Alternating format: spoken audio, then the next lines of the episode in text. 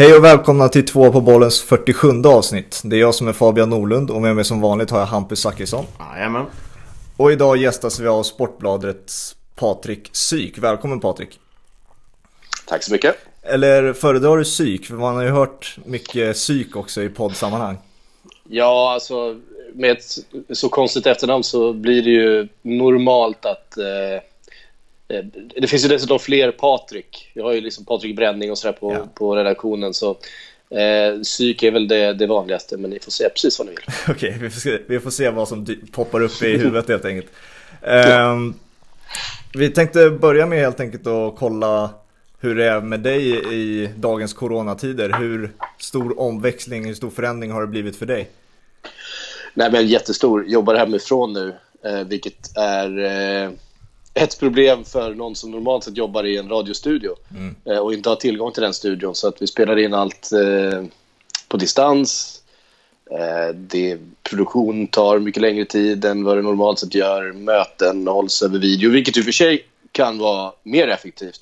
Eh, men, ja, men det, det, är en stor skillnad. Jag har suttit här i mitt ombyggda gästrum nu som har blivit mitt hemmakontor i, ja, fan, det är snart tio veckor va? Det är något sånt. Fy fan. Ja, vi, vi pratade ju med Olof Lund förra veckan, eh, då gästade han och han Hela hans sommar har ju blivit förändrad nu i och med att han planerade inför EM och allting. Eh, där han skulle vara Ja, så är det Hur skulle, hur, eh, hur mycket, om vi blickar framåt, hur har din sommar och så förändrats också? Eh, ja, alltså rent privat så har det ju ändrats på det sättet att eh, en del utlandsresor som man hade planerat inte blir av och, eh, och lite annat. Jobbmässigt så har det ju också förstås eh, inställt EM, eh, gör jättemycket. Mm. Eh, det, det, påverkar också rent organisationsmässigt för oss på, på Aftonbladet med vikarier och alltså hur vi jobbar. Så det, det, så det, det, det påverkar på många sätt så också. Men men EM är ju förstås en stor grej. OS är också en stor grej. Mm. Eh, som påverkar. Jag skulle egentligen varit, eh, haft semester under en ganska stor del av EM.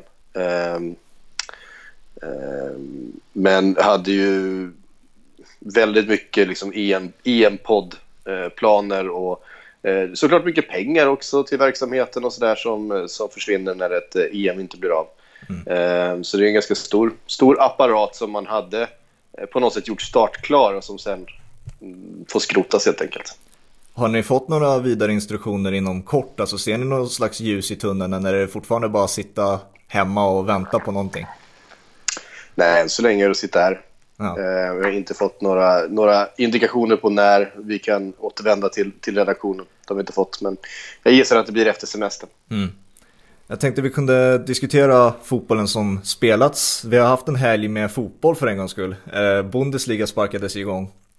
Eh, inte riktigt så som vi minns fotbollen kanske, men eh, Psyk, vad är din relation till Bundesliga och tysk fotboll? Kan vi börja med? Ja, alltså det har väl varit en sån där relation eh, lite på distans. Jag har aldrig haft något lag, jag har följt specifikt i Bundesliga. Eh, man har ju alltid haft en, eh, en relation genom de europeiska turneringarna till, till Bayern München och eh, till viss del också Borussia Dortmund och, och Schalke en gång i tiden när de eh, jag minns när, när Raúl spelade på topp där, det, var ju mm. kul. Eh, och sen förstås alla svenskar som har varit i, i Bundesliga som man har följt. Men jag har liksom aldrig tittat på, på Bundesliga eh, varje helg. Jag har inte så bra koll på Eh, på alla lagen och så. Det, det har jag inte, men det, eh, det har alltid varit en kul liga att, att titta på. Det har alltid varit en kul liga att bara så här, även om man inte har något känslomässigt investerat eller egentligen eh, yrkesmässigt att det är något man bevakar eller så, bara kunna liksom sappa in på en Bundesliga-match eh, så eh, har det ju alltid varit eh, liksom, underhållande, bra fotboll, eh, intressanta spelare, intressanta lag intressant kultur runt, eh, runt fotbollen i Tyskland. Eh, så att eh, det, på, på, så sätt har jag en, en relation till det. Men, men inte speciellt... Eh, jag har aldrig bevakat den professionellt. Jag har inte liksom någon känslomässig eh, speciell relation till, till just Bundesliga. Nej. Hur mycket såg du då av helgen? Eh, jag såg Ruhrderbyt i sin helhet. Mm. Och sen så kikade jag in lite grann på Bayern München. Den var inte så spännande direkt. Eh, så ja, det var det i stort sett som jag hann. Fabian, hur mycket såg du av omstarten? Uh, jag såg väl... Um, jag såg helt Dortmund-Schalke. Väldigt lite också om München för att det, som Syk sa, väldigt tråkigt blev det ganska snabbt. Uh, sen så hade man det liksom på i bakgrunden mycket. Och bara för att fotbollen var igång. Man kände, det kändes som att man var tvungen att ha den på. ja. Inte för att det var spännande. Um, men jag vet inte hur ni upplevde omstarten. Hur, vad tyckte ni om kvaliteten och den fysiska förmågan och sånt där? Hur stor förändring var det? Om vi tar och blickar tar bort eh, faktorer som ljud och sånt där. För det är ju, det är ju bisarrt liksom. Vad tyckte ni om kvaliteten? Psyk, du kan ju börja. Jag tyckte faktiskt kvaliteten var, var bra. Eh, bättre än vad jag trodde den skulle vara. Det kändes som eh, vi kommer från ett väldigt långt uppehåll. Det har varit en otydlig uppstart igen. Det har inte kunnat vara några träningsläger direkt utan de har fått eh, liksom, komma igång med träningen på, på, under speciella former. Så jag trodde nog att tempot skulle vara lägre än vad det var.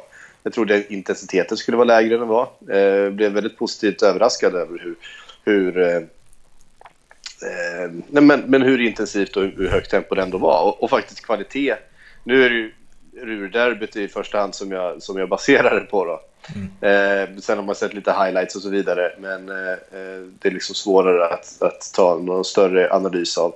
Eh, men men eh, väldigt positivt överraskad över hur, hur högt tempo och hög kvalitet det ändå var. Eh, framförallt på Dortmund ska sägas, men även på, på Schalke under första halvtimmen. Eh, tyckte de pressade högt, eh, lyckades också med pressen eh, ganska mycket, vilket är typiskt en sån här sak som inte funkar efter ett uppehåll.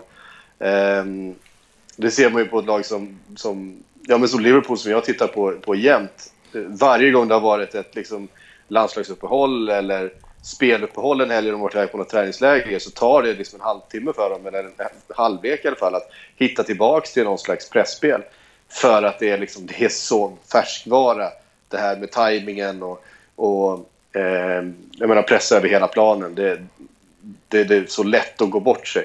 Och det tyckte jag Schalke lyckades jättebra med, vilket förvånade mig. Sen att de kroknade lite grann och kanske inte hade... Man såg på en del spelare att de inte var riktigt fitta för 90 minuter i det tempot. Och det kan man ju ha förståelse för med tanke på att de inte har kunnat träna med rätt intensitet. Men, men, eh, men jag var imponerad. Det var jag.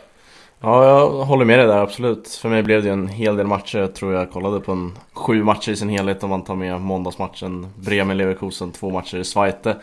Eh, och där var väl kvaliteten ibland eh, rätt, rätt kass. Det var, var ett roligt, roligt moment i någon, någon av matcherna. Det var nog Bochum-Heidenheim när någon striker skickade iväg ett skott upp på läktaren och det var ju då dansk kommentator, han satt bara och skrattade och sa liksom nej nej nej det där Det här går inte. Men eh, jag är också överraskande över hur, hur bra det ändå var. Eh, Jag hade också någonstans ställt in mig på att det inte kommer vara den gamla fotbollen och det, det gjorde det mycket lättare att titta på det eh, med fansen och allt och även kvaliteten. Mm. Det man kan tycka är att eh, Ibland var det ju liksom passningarna nere i djupled, tajmingen fanns inte där men det är också helt förståeligt. Så man blev ju nästan, ja, man blev ju så här orimligt glad när en passning nere i djupet satt på rätt, rätt kille och den nådde fram. I och med att det var många bollar som rann ut till eh, inspark. Så att, eh, nej, positivt överraskad och tyckte det var kul att kolla fotboll igen. Hur upplever ni fem byten istället för tre? Det är någonting jag vill diskutera för att jag fattar ju varför man har det. Det är ju för att skydda spelare från för slitageskador nu när man precis börjat och dragit igång nu när spelare har varit lediga och så. Men jag vet inte, personligen, jag kan inte riktigt sätta fingret på det, men jag har svårt för fem byten. Jag vet inte, vad tycker du Suk? Det, jag, jag förstår också varför man har det. Det bidrar ju dock ty, tyvärr till den här känslan av träningsmatch. Ja. Ehm, vilket är liksom eh, hela om givningen, hela, hela stämningen på något sätt ger ju en, en, känsla av träningsmatch. Och sen när det blir ytterligare fem byten då är det som, jaha, men det, är liksom, det är någonting i bakhuvudet som, som, eh, eh, i, ja, som, som reagerar på det. Mm. Eh, annars tror jag det är bra. Jag tror att eh, vi kommer få se fler byten nu. Jag tror att vi, vi kommer... Eh, det kommer läggas till ytterligare ett byte även i framtiden eh, för eh, spel på den här nivån. För de har så mycket matcher, det är så intensivt och det sliter så fruktansvärt mycket på spelarna. Mm. Att jag tror att vi kommer se bredare trupper, jag kommer se, tror att vi kommer se fler byten. Mm. Um, så det är nog bara, det, det är nog bara en, vane, en vanefråga tror jag, en vanesak. Jo, det är sant. Uh, om vi kollar på det som det nog har snackats med, om F, efter nu mest, att uh, ljudet och så, uh, ekot och man hör spelare skrika och sånt där. Är det, hur upplevde ni det? Müller tror jag var det som sa att han tyckte att det kändes som en veteranmatch eh, eftersom att det inte fanns någon publik. Hur, det måste väl ändå vara det man måste vänja sig med mest, eller hur? Ja, det är det som är den absolut största, största skillnaden. Um, och som, som sagt, det, är det som mest gör att Eh, man får den här träningsmatchkänslan. Eh, vilket också gör eh, att man liksom förväntar sig en lägre, lägre kvalitet än vad det ska vara, alltså en lägre intensitet och så vidare. Men det är, för det är ju tävlingsmatcher och de tävlar ju om, om, om samma pokaler som vanligt. Ehm, men ja, det är ju det är en märklig inramning det, det, är bara så det är. Det, eh, det kommer ju inte vara på samma sätt. Det, det kan inte vara på samma sätt. Och, det, man blir ju påmind om det undantagstillstånd som vi ändå befinner oss i. Eh, men ja, hellre, hellre fotboll än ingen fotboll. Eller hellre konstig fotboll än ingen fotboll.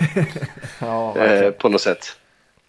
Ja, det är kul att just Müller säger veteranmatch för att det är en spelare man tänker är så mycket äldre än vad han faktiskt är. Jag såg någon på Twitter som skrev att ja, hur sjukt det är att jag tror det var Tobias Sana som är faktiskt äldre än Thomas Müller. Ja. uh, och det, det tänker man inte när man bara hör de namnen. Men eh, nej, ljudet är väldigt konstigt men ja, det enda har att säga är ju det som du var inne på att det är hellre, hellre det här än ingenting alls. Liksom. Utöver det då, de här några någonting ni reagerar på? Är det någonting ni vill ändra på nu när det här ska förhoppningsvis appliceras på andra ligor? Är det för till exempel att se spelare med munskydd uppe på läktaren istället på bänken och sånt där. Är det reg vissa saker ni vill justera till andra ligor nu när de ska dra igång? Um, alltså först får vi väl då utvärdera ut, uh, uh, alltså det, det, det, kommer ju behöva, det som vi stör oss på är ju saker som kommer behöva vara Eh, på plats även i, i andra ligor. Det här med att det är inga supportrar på plats, eh, det är fem byten. Eh, allt det där som känns, som känns konstigt är sånt som kommer eh, med nödvändighet behöva vara en del utav, utav all annan fotboll som startar upp här också. Eh, så svårt att se några förändringar i de bitarna.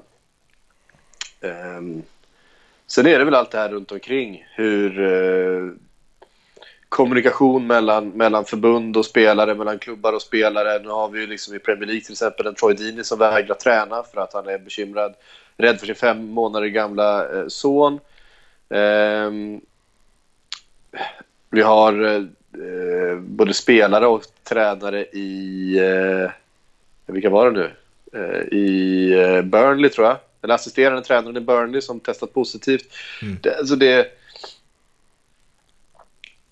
eh, vi får ju se här och så får vi se hur eh, den närmsta veckan här om det är så att det dyker upp en eller flera eh, fall av, av insjuknade bland Bundesliga-spelare och funktionärer. Eh, det är ju någonstans det som är den dimensionerande faktorn hela tiden. Mm. Eh, I det läget som vi befinner oss i. Så att, eh, jag tror det är lite tidigt att, att se. Visar det sig att de lyckas göra det här utan att det blir någon, någon eh, vidare smittspridning, eh, då är det ju bara att copy-paste. Liksom. Mm. Eh, för att det är ändå det som... Det är ändå det som vi vet hur, vi vet hur, alltså, hur man arrangerar fotbollsmatcher normalt sett. Vi vet inte hur man arrangerar fotbollsmatcher i det här läget. Eh, och ser vi att någon lyckas, då får man ändå utgå från eh, deras metod och sen så får man eh, tror jag, använda den och försöka utvärdera längre fram. Mm. Det börjar di diskuteras rejält nu om eh, svensk fotboll, att det ska komma tillbaka. Du är ju ett känt Premier League-fan, eh, Syk, men Hur mycket ser du fram emot svensk fotboll att dra igång igen också? Nej, jag ser fram emot det jättemycket, eh, verkligen. Jag har ju också jobbat med svensk fotboll mycket eh, tidigare i livet. Jag var ju, eh, eh, jobbade för BK Häcken under flera år. Mm. Eh, och eh, följt svensk fotboll väldigt noga och, och, och, följer fortfarande BK Häcken till viss del. men inte liksom på samma sätt som man gjorde då kanske. Men, nej, men svensk fotboll är, är, är jätterolig och jättehäftig. och, och det längtar man väldigt mycket efter också. Där är det ju ännu mer så här, svensk fotboll utan, utan publik på läktarna. Där, där är på något sätt eh, tappet ännu större. Ja. Eh, faktiskt. Eh, för jag menar, risken är att det på många håll kommer kännas liksom division 6. Ja. Alltså så här, Kalmar, Falkenberg utan supportrar. Eh, ja, jag vet inte. Eh, det, det, det, det, kommer, det kommer kännas som, som en lägre nivå än vad vi är vana att se det. Mm. Eh, är jag rädd för. När vi tappar hela inramningen på allsvenskan. Mm. Eh, men vi får se. Det, jag, vill att, jag vill också att det ska komma igång så snart som möjligt. Mm. Sen kan jag inte avgöra om det, om det borde göra det eller om det liksom vad, vad som är de rätta åtgärderna. Men, men man vill ju att det ska komma igång såklart. Vilka ligor är det du prioriterar att se och ser fram emot att komma igång? Utöver Premier League kanske och allsvenskan? Um, nej men jag ser ju... Uh, jag var ju väldigt nyfiken på avslutningen på Serie A. Uh, Italien. Där, där blir det ju ännu mer speciellt eftersom de, de uh, framförallt i de norra delarna drabbades oerhört hårt så tidigt. på ett sätt som, som drabbade hela samhället i Italien. Kanske hårdare än vad det gjorde i, Eh, ja, för, ja, definitivt Tyskland, men, men kanske även hårdare än vad det har drabbat liksom, eh, Storbritannien också, även om de har många döda och så vidare. Hårdare än Sverige, även om vi också har många döda, så har inte vårt samhälle eh, rubbats på samma sätt som det italienska har. Eh, där går också meningarna väldigt mycket isär mellan eh, olika personer i, inom hierarkin huruvida den ska startas upp eller inte. Och det är väldigt starka känslor och det är... Eh, ja, det, blir, det är väldigt intressant att följa det som händer i Italien. Eh, men eh, jag, ja, jag är inte rätt person att bedöma om det är rätt beslut heller. Men, men eh, man är sugen på eh, avslutningen på den säsongen i alla fall. Eh, sådär. Och sen så Champions League och så vidare kommer vi ju inte få se. Och sen så får vi väl se ifall det är några ytterligare ligor. La Liga känns väl inte jättespännande just nu om jag ska vara riktigt ärlig. Ehm, den kommer väl också komma igång eh, ungefär samtidigt här i, i, i, mitten på juni förmodligen. Eh, och, ja, och så vidare. Eh, men som sagt, mest längtar jag ser ju jättemycket fram emot Championship också. Och, och kvalet och se ifall, eh, och följa Leeds, se ifall, ifall Bielsa kan eh, ta upp det här laget i Premier League igen efter vad är det, 17 år eller något sånt där. Um, det vore ju, det vore ju, alltså den resan är ju jävligt häftig uh, just nu tycker jag. Det är intressant att du nämner Championship för jag håller ju nästan finalen på Wembley där i Championship-kvalet som den coolaste matchen som finns i fotboll. Eh, ja, och, alltså, och då alltså, tar jag även Champions League-finalen i beräkning. Playoff i, uh, i alltså från, från Championship, det är något alldeles speciellt alltså. Ja, men verkligen det, det är få fotbollsmatcher, det är så mycket, så mycket drama, så, det händer ju alltid saker också. Eh, och man märker att alltså, publiken är påverkad, domarna är påverkade, spelarna är påverkade. Det är alltid eh, helt vansinnestempo från alla. För att det är liksom, adrenalinet bara sprutar. Eh, det, det, det, når, det, det är några av de häftigaste matcherna varje år, tycker jag. Ja, det absolut coolaste ögonblicket som man kan youtuba fram om man inte har sett det, det är ju när Knockout missar straff för Leicester, Watford vänder och Dini skickar in den. Ja, det är, ja, det är full, fullskaligt kaos. Ja, det är det sjukaste minuten fotboll som har, som har spelats Ja, men det är verkligen det. Ja. Men vi, vi kan kliva över till England och lite Liverpool-fokus. Eh, och eh, liksom hur, hur blev det ett Liverpool-supporter? Minns du något definierande ögonblick eller någon bakomliggande orsak sådär? Eh, ja, absolut. Det var ju eh, väldigt, väldigt länge sedan. Det var, jag var eh, åtta, nio år gammal eh, när...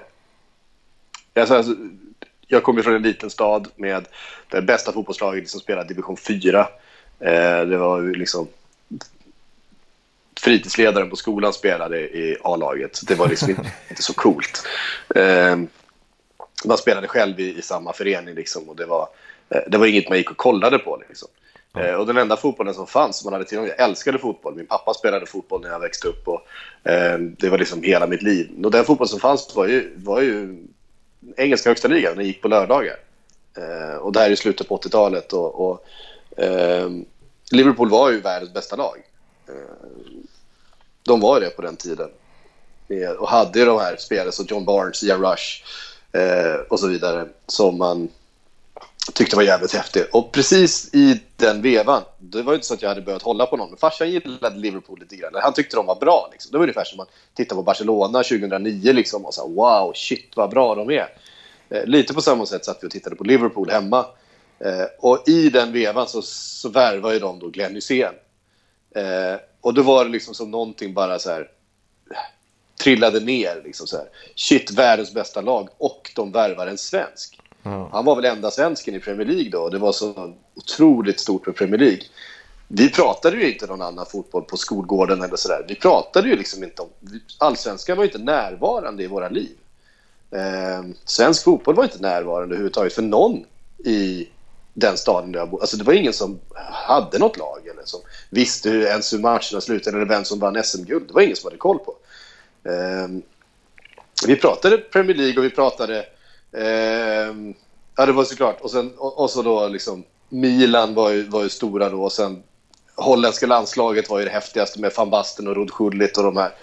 Eh, det var liksom de, de spelarna, var den fotbollen som man var eh, intresserad av. Och i, precis i det läget man är som mest påverkningsbar, man är nio år gammal, så skriver då Glenn Hysén på för Liverpool. Eh, och då var det liksom bara tack och hej.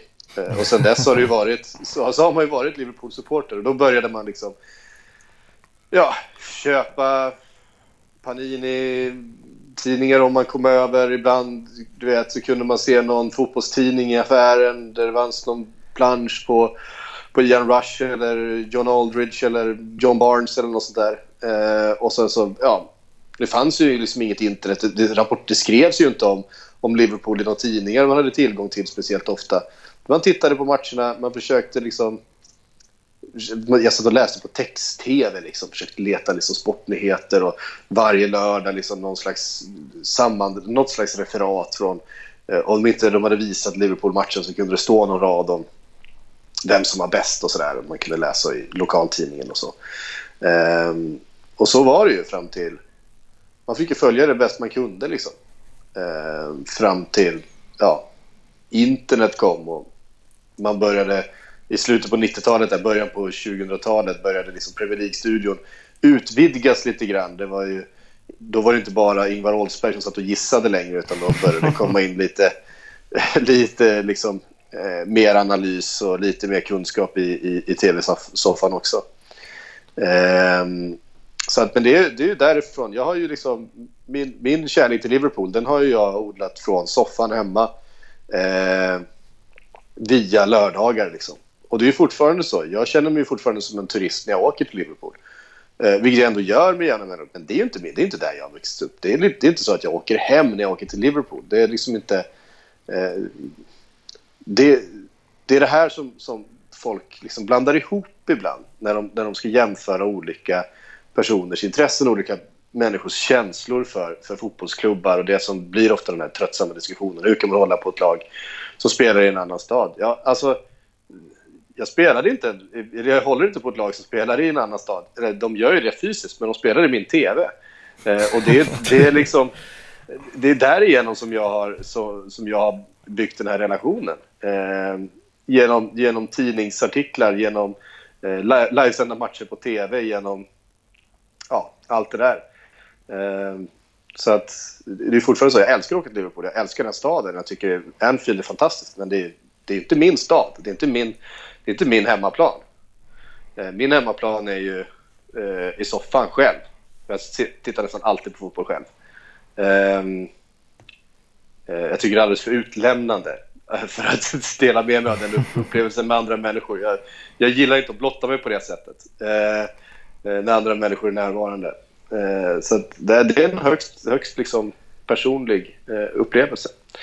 Eh, så, så, så var det. Sen så kom hela Spice Boys-eran och då var man ungefär i samma ålder som Michael Owen och eh, Steven Gerrard och, eh, och de här när de liksom kom fram och då, då var det liksom ännu mäktigare och så kunde man ja, men åka dit första gången, man kunde lära känna någon som andra som höll på Liverpool, kanske någon som var därifrån, någon som hade säsong, alltså du vet sådär. Och sen så liksom blev bara relationen större och djupare eh, på olika sätt.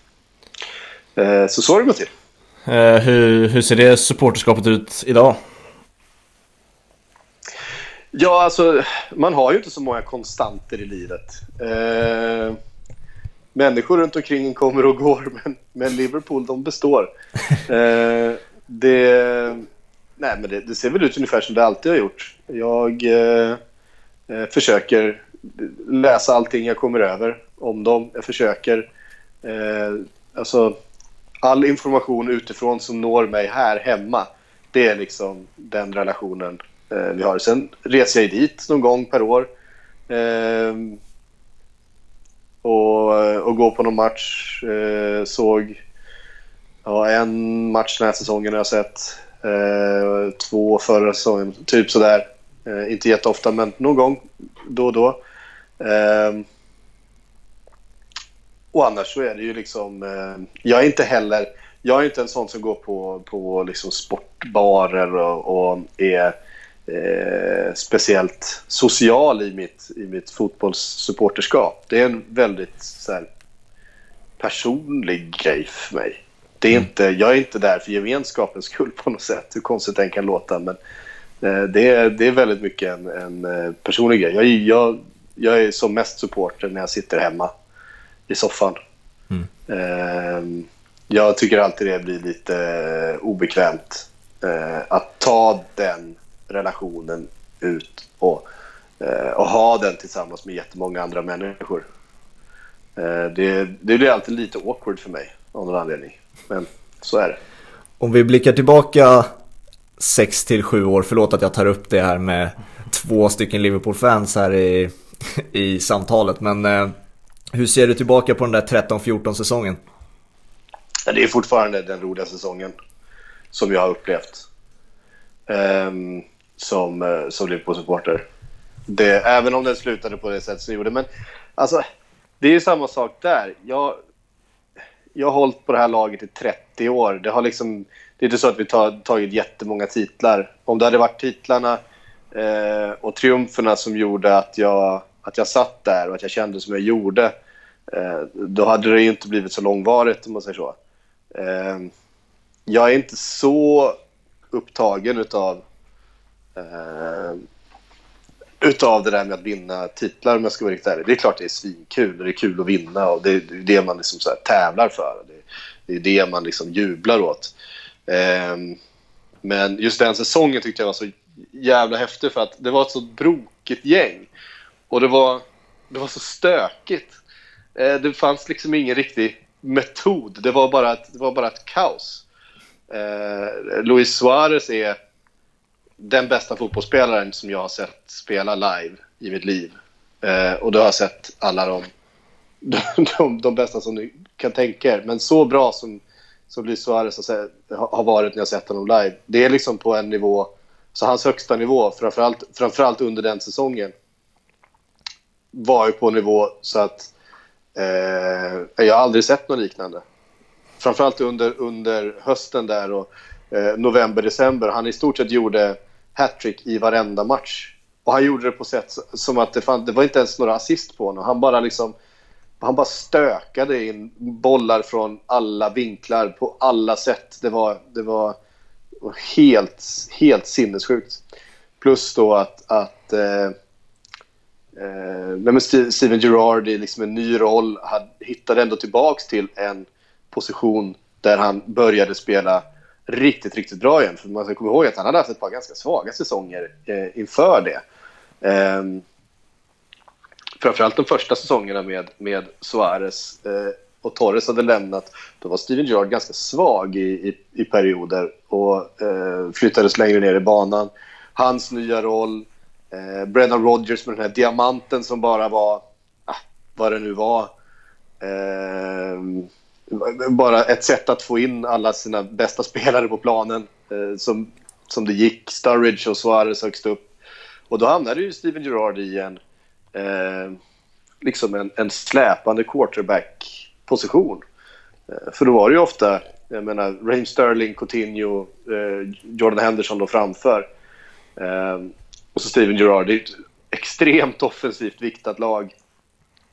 Eh, och eh, ja, äh, det var, det var full fart framåt, det var extremt offensivt viktat, det var bär eller brista och där längst fram så var det en fullständig dåre till eh, Luis Suarez som bara öste på ett sätt som var så mycket mer heavy metal-fotboll än vad Jürgen Klopp någonsin har, har lyckats uppbåda hos någon spelare. Eh, alltså, det är ju på något sätt den kombinationen man hade älskat att se. Suarez på den tiden med Jürgen Klopp som tränare. Ehm, eh, uh, ja, det, jag ser tillbaka på den som den roligaste säsongen som, som jag upplevt som supporter. Ja, jag tycker det är, det är skönt att du börjar resonemanget med att det är det roligaste att avsluta med det för att det, när du säger det så känner jag att det är så jag behöver minnas den också. Eh, jag var ju, ja, jag var ju 14 eh, när när det brakade samman där också. Men det var ju fram tills dess en helt fantastisk säsong och det är ju den roligaste säsongen eh, jag har upplevt. Mm. Den är roligare än när vi tar 98 poäng eh, eller 97 poäng eller vad fan det var och snubblar ändå på målsnöret och sen även roligare än den här säsongen trots att vi är helt suveräna. Eh, för just de faktorerna du nämner, det var ju sånt brokigt gäng och det, att de bara körde, det var kaos men segrarna togs ändå. Uh, ja men alltså, kommer ni ihåg vilka Vi hade Mankio, alltså han som sitter på bänken i, i, i Newcastle nu. Han var ytterback. John, John Flanagan, Flanagan på, på, andra sidan. Det var liksom... Det var, det var fullständigt kaos alltså. Ja, Skertel gjorde ju några sjuka nickar också. Ja, exakt. Ja, gjorde typ 6-7 mål den säsongen. Ja. ja, jag kommer ihåg också under den säsongen så hade ni Soran Ismail som gäst i Sportbladets Premier League-podd. Och då sa han ju det att så här, vi kommer inte vinna ligan, fattar ni att det är Skertel där bak liksom? Det är, det är liksom de grabbarna som kommer vinna ligan om vi gör men det, det kommer inte ske liksom. Och det, nej. efterhand känns det ju rätt logiskt att det inte blev så. Men eh, nej, en ja. fantastisk säsong på många sätt om man bortser från slutet då. Och det kanske man, eh, kanske man får göra helt enkelt. Ja, absolut. Nej, men det är lite grann som, jag menar, ska man se på fotboll som en boxningsmatch Eh, så det här var ju boxaren som bara går in och vevar tills, tills någon av oss är medvetslösa. Eh, det var ju liksom den, det var ju det gänget och det är otroligt underhållande att titta på. Det är ju fantastiskt och att det bar så långt och att de lyckades få sån, sån höjd i det spelet eh, var ju makalöst. Sen att eh, de ändå var, att de var så nära att ta titeln. Det hade ju en del med att det var en ganska svag säsong i övrigt. Eh, och att de hade en del bollar som studsade in på slutet. Förr eller senare så skulle ju en del av den där turen eh, komma tillbaka och, och, och, och bita en. Och så, så blev det ju i, i slutändan. Det var små marginaler. Och det, eh, till skillnad då från det här Liverpool som ju är en, en, eh, eh en Klitschko om man ska fortsätta en boxningsliknelse. Eh, Någon som är större, starkare, eh, lyxigare, som går in bättre liksom, taktiskt, bara går in och jabbar sin motståndare så att de aldrig kommer åt dem. Det blir aldrig spännande. Nej. Bara går in, ställer sig och jabbar, eh, vinner alla matcher på poäng. Mm. Eh, och det är liksom inga knockouter, det är, inga, det, är, det är sjukt beräknande. Det är bara högre kvalitet, det är högre, det är liksom större och starkare och, eh, och dyrare på något sätt. Mm. Det är liksom en helt annan, det är mer effektivt sätt att vinna boxningsmatcher på. Men det är ju inte alls lika kul att titta på. Nej, så är det. Hur ser du på Liverpool-situationen idag då? Det har ju varit många månader sedan Liverpool spelade. Hur förhåller du dig till den potentiella titeln? Ja, alltså den här titeln har ju... Det är ungefär liksom, det är de 30 åren som jag har följt Liverpool. Jag de var regerande mästare när jag började hålla på dem och vann den första eh, titel när jag, när jag köpte min första liksom, Liverpool-plansch och hängde på väggen. Eh, det året vann de ju. Sen, sen dess har de inte vunnit eh, någon ligatitel. Eh, sen när man har tänkt på det, alltså de, gångerna, de åren som det har varit nära eller som det har liksom känts som att det här kanske kan bli något och 13-14 säsongen och, och så vidare. Eh, det var ju inte så här man såg det framför sig. Eh, liksom. Det kommer ju alltid, det kommer ju alltid vara en säsong med en asterisk i hörnet, så är det ju. Mm. Eh, men man ska komma ihåg då att Liverpool faktiskt hade vunnit den här ligan redan före det blev ett uppehåll. Det är det mest överlägsna laget som någonsin har, har eh, spelat en ligasäsong överhuvudtaget. Jag menar, det är den största marginalen som har varit mellan ettan och tvåan någonsin. Eh, och inte bara i England utan i, i någon av toppligorna någonsin. Mm. Eh, så eh, det, det, det ska man ju ta med sig och det är ju liksom eh, det är inte så att man inte kommer räkna den här ligatiteln. Det är klart att den kommer räknas precis lika mycket som vilket som helst. Men man hade ju velat att den, att den skulle gå till på ett annat sätt. Man hade ju velat ha glädjen. Man, man vet ju vad det betyder för hela stan. Mm. Um, och nu kommer det liksom inte Alltså alla de aspekterna. Det drabbar, ju, det drabbar ju de som har en annan relation än vad jag har till Liverpool mycket hårdare. Jag tycker att det är jättetråkigt, men för de som bor i Liverpool. Jag har ju kompisar som, som är födda och uppvuxna i Liverpool och som, eh, som har följt det här laget på ett annat sätt än vad jag har. För dem blir det ju... Det är mest för dem jag, jag, jag känner att det, att det blir så här. Att när de äntligen får den här ligatiteln som de har väntat på i 30 år så kommer de inte få fira den ordentligt. Eh, och allt det där som de har drömt om i, i sina liv eh, skulle hända när de väl vinner den här ligatiteln kommer nu inte kunna hända och det är ju jättetråkigt. Mm. Hur såg du på hur klubben hanterade coronasituationen och med ersättning och löner och sånt där och allting? Alltså, man fick en liten påminnelse om att det är inte några... Eh, eh det är liksom inte några med allas bästa i, i, eh, i åtanke som äger Liverpool heller. Eh, ibland så har man blivit lite, lite bortskämd med att, att FSG som äger Liverpool har gjort så otroligt mycket bra. De har investerat på rätt ställen och de har varit väldigt, de har liksom byggt ut Anfield och de istället för att bygga en ny arena, de har inte sålt ut namnet, bla bla bla. bla.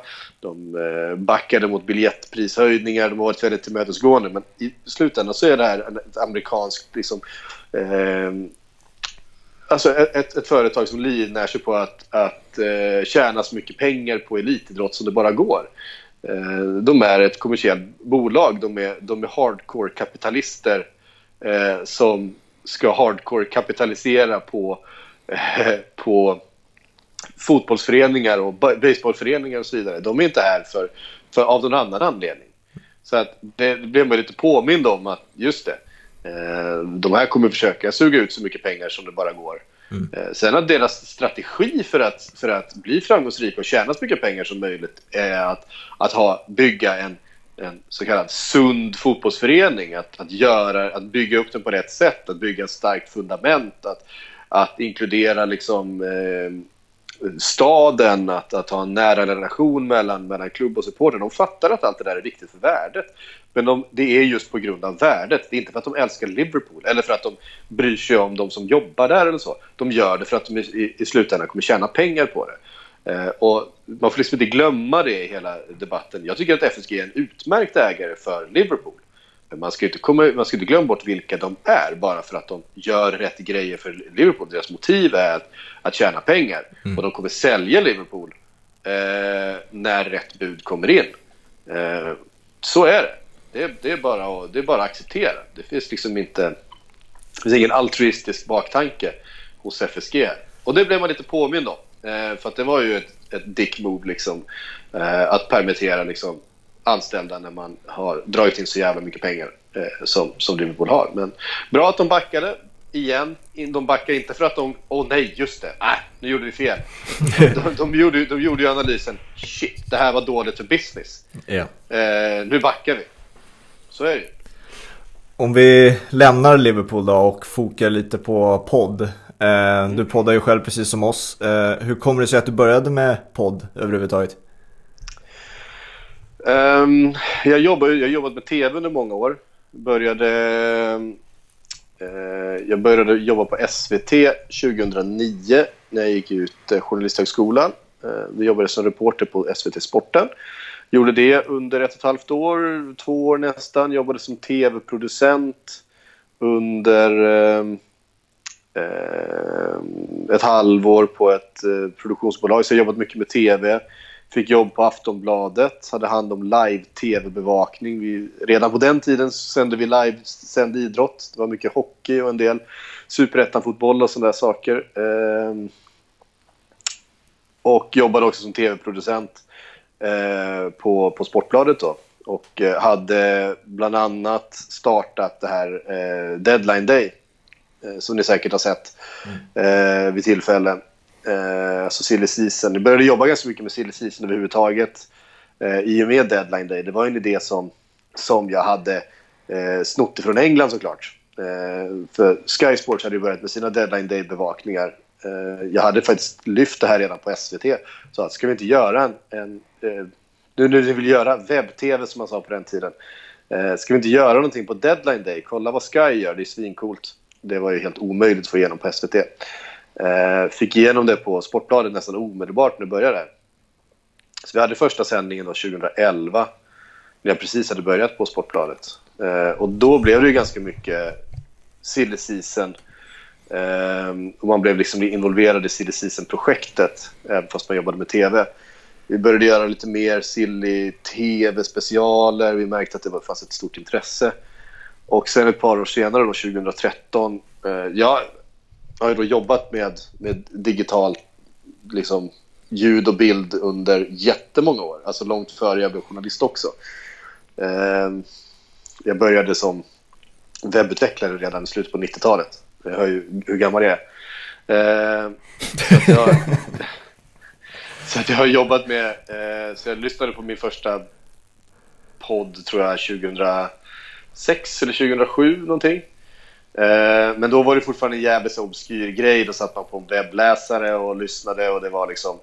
Eh, men jag hade börjat då eh, något år tidigare att, att på lite allvar lyssna på podcast regelbundet och så 2013 när Silly eh, season skulle dra igång igen i, i, i maj där så sa jag det, fan ska vi inte testa att göra en podcast? Då jobbade jag fortfarande som tv-producent på, på Aftonbladet. Mm.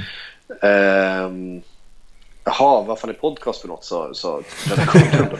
jo, det, då hade vi faktiskt redan, redan en, en, en fotbollspodd som eh, Amanda eh, eh, Fredin och eh, Robert Laul gjorde som hette Fotbollspodden som hade kommit några avsnitt som var en jävligt oklar grej.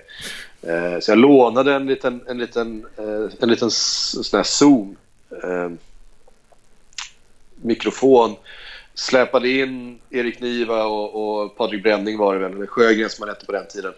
Eh, och så började vi göra en Sillypodd eh, och då, det fanns liksom ingen, vi hade ingen, ingen plattform för att lägga ut det på så att jag fick gå tillbaka till mina gamla eh, webbutvecklarrötter och satt och så här, jag satt och skrev XML för hand liksom för att kunna lägga upp de här avsnitten.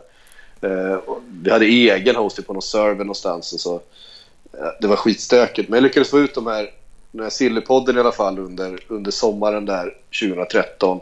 Och det blev jättepopulärt eh, direkt. Mm. Eh, så eh, Eh, i slutet på sommaren så startade vi Premier League-podden, vi startade NHL-podden, vi startade en, en, en, rad andra poddar också. Det var många som såg att shit vilken... Eh, dels vad kul det var att göra, dels vad, eh, vad populärt det blev och dels liksom så här, Eh, det här känns ju som framtiden. Eh, så, så, så började det. Och sen så eh, gjorde jag helt enkelt så att jag, jag, jag noterade hur, hur, populärt det var och det kändes som att här, här finns ju liksom en, en framtid. Liksom. Här finns ju någonting jättespännande. Så jag stegade helt enkelt in till, till chefredaktören på Aftonbladet eh, som var John Melin på den tiden och, och, och sa vi behöver ju en podcastsatsning. Vi behöver en podcaststrategi. Vi skulle behöva någon som jobbar med podcasts på heltid på Aftonbladet. Eh, och då fick det bli jag. Så att från 1 januari 2014 och sen dess så har jag varit podcastansvarig för Aftonbladet. Så det var bara, det är liksom av en slump. genom, eh, genom silly season och, och deadline day och det intresset. Så, eh, sen dess har jag gjort, tror jag, fler podcastavsnitt än någon annan i Sverige. Jag tror jag har startat 65 poddar eh, sen dess. Ja, det är ju fan sinnessjukt. Men eh, Sportbladets Premier League-podd, det, det är inkörsporten för mig eh, till att lyssna på poddar överhuvudtaget. Eh, har du, har du något, ja men det får jag säga, absolut första podden jag liksom lyssnade på. Har du något speciellt roligt moment när du tänker på den podden eller är det liksom hela, hela biten så att säga? Um, ja, alltså det är väl många grejer. Det är ju både med, med Sillypodden och Premier League-podden, men Eh, det som framförallt har varit är ju den här ständiga förvåningen över hur många det är som lyssnar. Eh, och som liksom tycker att det är, att det är bra det vi gör. det, det, eh, vi tycker att det är kul och vi tycker att det är bra liksom och så vidare. Och, eh, nu har ju Kalle Karlsson och jag gjort den under jättemånga år och sen kom Frida Fagerlund in eh, för ett par år sedan. Eh, och sådär. Och den, den har liksom den har liksom funnits i lite olika former. Ett tag var Erik Niva med mycket. Sen var han pappaledig och sen så hade han andra uppdrag på Aftonbladet så då var han inte med alls. Ehm, men då, liksom, då, då klev eh, Kalle Karlsson in och sen så var... Ja, men så har det liksom varit olika konstellationer och sen var jag pappaledig under ganska lång tid och Fredrik Jönsson var inne. Men, men Premier League-podden har på något sätt den, den, den liksom levt sitt eget liv. Eh, det har inte spelat så stor roll egentligen. Vi man har liksom anpassat sig själv ganska mycket till, till poddens utformning och, och, och till publiken och, och, och, det intresset. Så att, att den har liksom eh, blivit till ett eget väsen, det, det tycker jag är en, en, kul grej. Och att så många har en relation till den är också väldigt roligt. Mm. Eh, sen när det gäller Sillypodden så har vi några sådana här eh, skräckexempel. Jag minns när det var eh, U21-EM nere i Tjeckien och Bränning och Niva och Fredrik Jönsson skulle spela in en Sillypodd där nerifrån. För jag var nog på semester. Eller jag var och jobbade med någonting annat. Eh, och eh, de skulle spela in, de hade en mikrofon med sig där nere och hade druckit en och annan. När de satte sig på den här stökiga puben och skulle då spela in en Sillypodd. Jag hade skickat ner ett långt eh, liksom, eh, det här vill jag att ni ska prata om. Här har ni liksom ryktena som jag vill att ni eh, tar hand om. Här har vi lite frågor. Det var liksom ingenting av det jag hade skrivit eh, kom ju med. Utan det var ju liksom Erik Niva som satt och skrek om eh, att han hade träffat Glenn Hysén och, och hur, hur fantastisk Glenn Hysén var. Eh, och ja, det var, var fullständig anarki. Så jag fick den här filen och jag, vet, vet vad jag ska göra med det här. Liksom. Äh, jag lägger ut det så får vi se. det, det, var noll sill i det avsnittet. Det var liksom eh, tre förfriskade eh, grabbar på en pub i Tjeckien som satt och skrek. Eh, men det blev uppskattat det också. Mm. Eh, jag tror, man, hade, man hade inte kunnat göra det varje vecka, men, eh, men eh, det kan vara kul att bryta av lite idag. Mm. Vi har ju skrattat gott både jag och Hampus till eh, många deadline day eh, sändningar. Jag kan tänka mig i och med att ni sitter så många timmar och till slut hinner bli ganska trötta och så, så att det blir lite eh, det blir humor runt det hela. Jag vill minnas en Wilfred Bonney-sång, minns du den? Ja, absolut. Det var när han var klar för Swansea igen, va? Ja. Efter att han hade varit en sväng till Stoke. Eh, City och Stoke eller vad det var. Ja. ja, precis. City och sen utlånad till Stoke, sen tillbaka till Swansea. Eh, fan, jag kommer inte ihåg hur den går nu, den där eh, bonussången. Vi kan ju spela det var, upp det var inte, med... tre år sedan kanske. Vi kan spela upp den för de som lyssnar här. Men, eh, ja. Jag, vill inte, jag vet hur den går, men jag vill inte sjunga den. Alltså, jag vill inte sjunga den. Jag ska inte säga att jag sjunger bättre än Wilfred Boney. Alltså. Come on Wilfred Boney Ska skam goal for Swansea We go wild, wild, wild Nej, den är, den är jävligt rolig. Alltså, de där deadline-sändningarna har ju varit... Eh, alltså första denna sändningen som, som vi gjorde, då var det, det var jag och Marcus Leifby som hade eh, suttit och spånat idéer på en lunch. Jag hade pitchat in idén att vi skulle göra en sån där deadline. Det hade ju aldrig gjorts tidigare, någonting liknande. Eh, det hade ju aldrig gjorts liksom sådana här långa eh, sändningar online. Det var, ju, det var ju helt ny mark egentligen då 2011. Eh, men då var hela, alla fotbollsreportrar på Aftonbladet på landslagssamling nere i Malmö. Vilket var en jävligt dålig timing. Men jag lyckades få loss lite pengar så att jag tog med mig Patrik Bränning och så flög vi ner till Malmö så hade jag styrt upp en, en, eh, ett konferensrum på hotellet eh, där alla bodde. Och ehm, eh, hade med mig en kamerakille eh, så att vi hade en kamera. Vi hade ett konferensrum, så hade vi några stolar och där skulle vi göra en deadline day-sändning som vi aldrig hade gjort förut. Och vi sa att ah, den kanske blir en och en halv timme lång eller något sånt där. Eh, och så när vi kommer dit så visar det sig att Erik Niva inte är där överhuvudtaget, men Simon Bank är där. Han vill egentligen inte vara med. Men, men han, han måste vara med, eh, bestämde jag då. eh, och, och, Marcus Leifby var programledare eh, och han hade inte så bra koll på Silly heller. Det var egentligen bara Bränning som hade bra koll på Silly. Eh, men Simon Bank var med och bara körde liksom sådär som Simon Bank gör eh, när han är i zonen. Han är ju helt magisk. Och så Johan Flink var med jättelänge. Han har ju bara koll på allsvenskan. Eh, men det... Ja, och vi hade massa moment. Vi hade supportrar som kom och gäster och vi hade ja, alla möjliga konstiga grejer för oss. Men den här sändningen blev i alla fall fyra och en halv timme. Så alltså tre timmar längre än vad vi egentligen hade tänkt. Och när vi klev ut därifrån och så märkte vi att jävlar vad många det var som hade tittat. Eh, och sen så gick jag på pappaledighet så det blev ingen till januari 2012. Men däremot eh, deadline day i augusti 2012. Då för första gången, då sa vi att vi måste göra om det här och nu är alla i Stockholm. Då för första gången hade vi liksom studion nere i källaren på Aftonbladet där vi har suttit eh, de flesta gångerna. Eh, vi hade de rosa stolarna och Godiset och Erik Niva och, eh, och körde 12 timmar. 12 till 12. Eh, utan, utan inslag, utan uppehåll, inga reklamavbrott. Eh, nonstop 12 timmar. Och det blev så full, alltså helt sinnessjuk succé. Eh, det, var, det hade ju aldrig gjorts tidigare. Det var den längsta webbsändningen som någonsin hade gjorts i Sverige. Det var den webbsändning med flest tittare någonsin eh, i Sverige, om vi gjorde det. Eh, sen fick vi stryk året efter av eh, prinsessbröllopet som för första gången då sändes på nätet. Så då gick de om. Men i typ sådär 8-9 månader så hade vi rekordet som den mest tittade webb-tv-sändningen någonsin i Sverige. Um, och det var helt otroligt. Och det var, eh, det var jävligt häftigt. Så att de här eh, deadline day-sändningarna, och på den tiden satt jag ju bara bakom kameran. Jag satt i kontrollrummet och liksom höll i alla spakar. Det är på, mest på senare år som jag själv har satt mig i programledarstolen då och då. Eh, eh mest för att jag är lite, lite lat.